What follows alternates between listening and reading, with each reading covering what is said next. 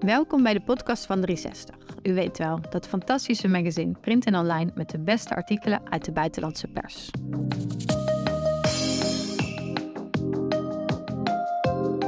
Absint, de creatieve motor. Uit El Confidencial, geschreven door Pilar Gomez Rodriguez.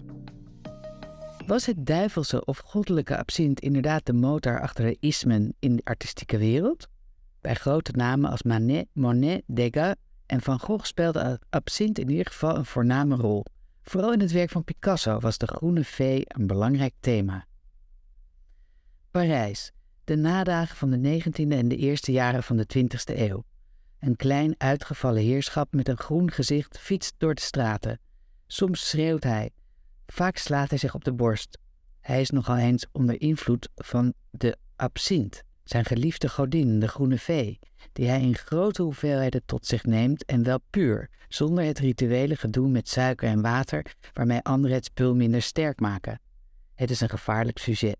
Hij heeft een revolver bij zich waarmee hij flessen openschiet en hij heeft een eenmalig opgevoerd toneelstuk geschreven dat hem op de kaart zette. Het is Alfred Jerry en lang heeft hij niet meer te leven.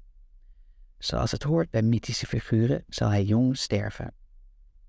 Het is niet zeker of Pablo Picasso hem tijdens zijn bezoeken aan Parijs heeft leren kennen.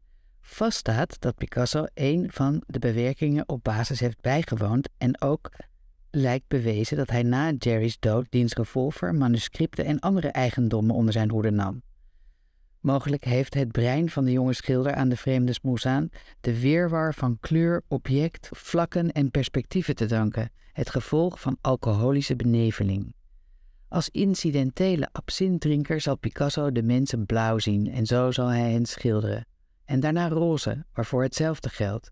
En daarna merkwaardig, als het ware, uiteengevallen in vreemde vlakken of geometrische figuren. En ook zo zal hij hen schilderen. De mythische drank, al dus de schrijver en kunstcriticus Jane Chabatari, een paar jaar geleden in een bijdrage voor de BBC, was goed voor visioenen en droomtoestanden die in het artistieke werk doorcijpelden.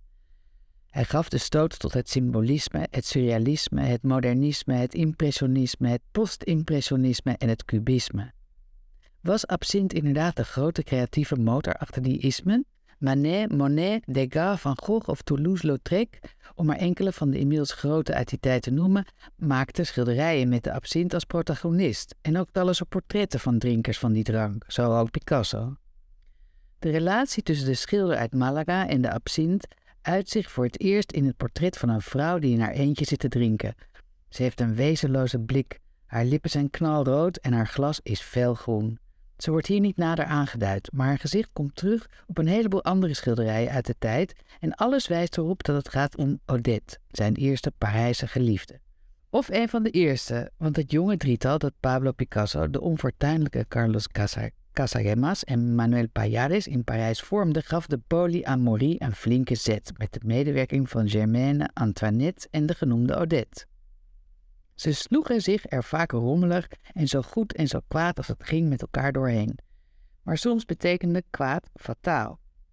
In februari 1901 pleegde Casagemas in een bar zelfmoord nadat hij had geprobeerd Germaine met een schot van het leven te beroven. Een gebeurtenis die, die diepe indruk op Picasso maakte, zonder hem er overigens van te weerhouden zijn relatie met de voormalige geliefde van zijn dode vriend voor te zetten. Wel krijgt vanaf dat moment het palet van Picasso donkere ondertonen. Daarvoor schilderde hij onverzadigbaar, net als zijn leven in de Parijse bohème, en hij probeerde zoveel mogelijk werk klaar te hebben voor de tentoonstelling die zijn doorbraak zou betekenen de succesvolle expositie in de galerie van de belangrijke kunsthandelaar Ambroise Voyard. In de tekst van, de, van Christie's bij het schilderij De Absinthe-drinkster uit 1901 staat dat Picasso eind mei, begin juni wel tien schilderijen per dag maakte. Tot dan overheerst in zijn werk de kleur en thematiek die hij haalde uit het dagelijks leven, zijn dagelijks leven met name, en dat betekende ook altijd vrouwen, veel vrouwen. Vrouwen die glimlachen, vrouwen die in zichzelf zijn gekeerd, vrouwen die denken aan, wie zal het zeggen, die in hun eentje drinken, die drinken.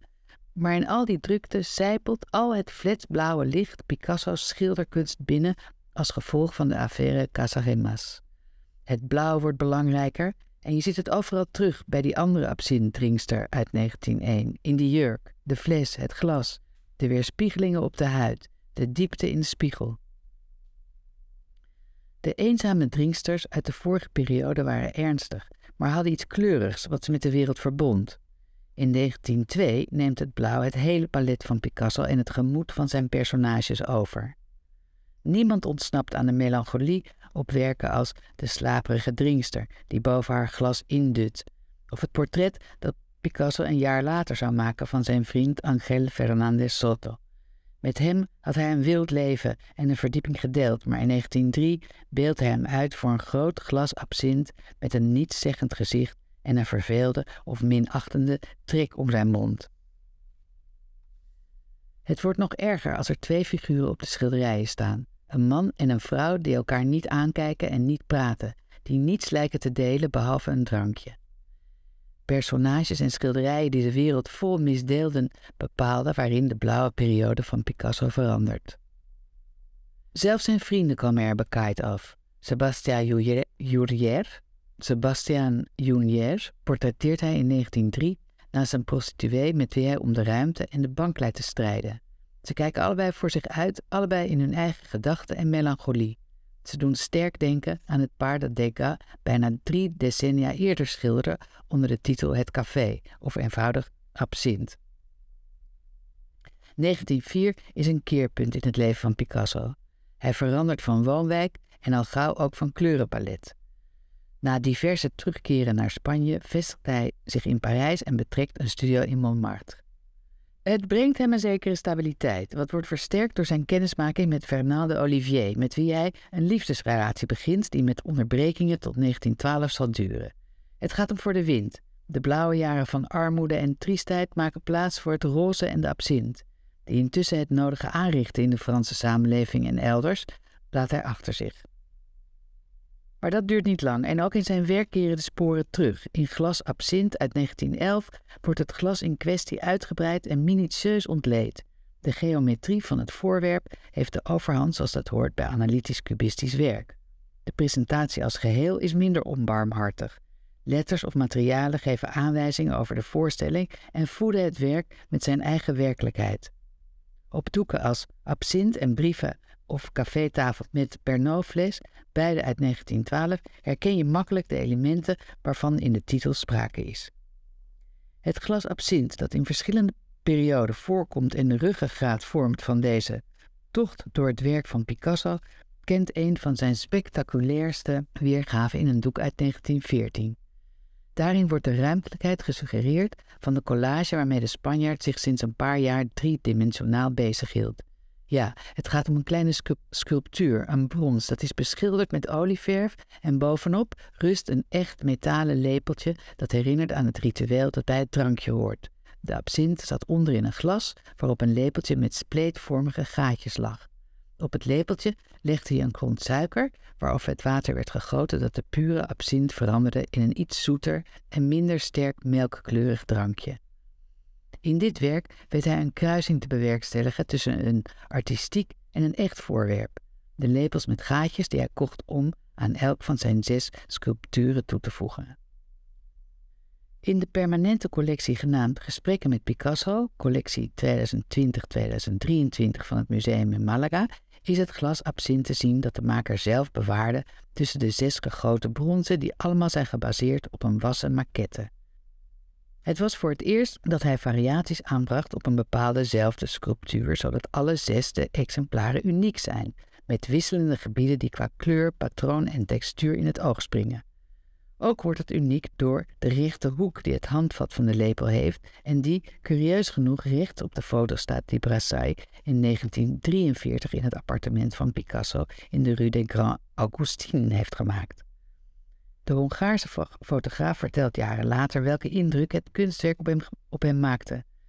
Ik zie ineens het glas absint nogal gewaagd in die tijd. Het was voor het eerst dat zoiets eenvoudigs in een sculptuur veranderde. Dankzij de aandacht die Picasso het gaf. Wat is het verschil tussen een glas absint en de zonsondergang, zou Oscar Wilde hebben gezegd. Het verschil? Het onverwoestbare genie van Picasso. Wilt u meer van dit soort verhalen lezen of beluisteren? Ga dan naar 360magazine.nl.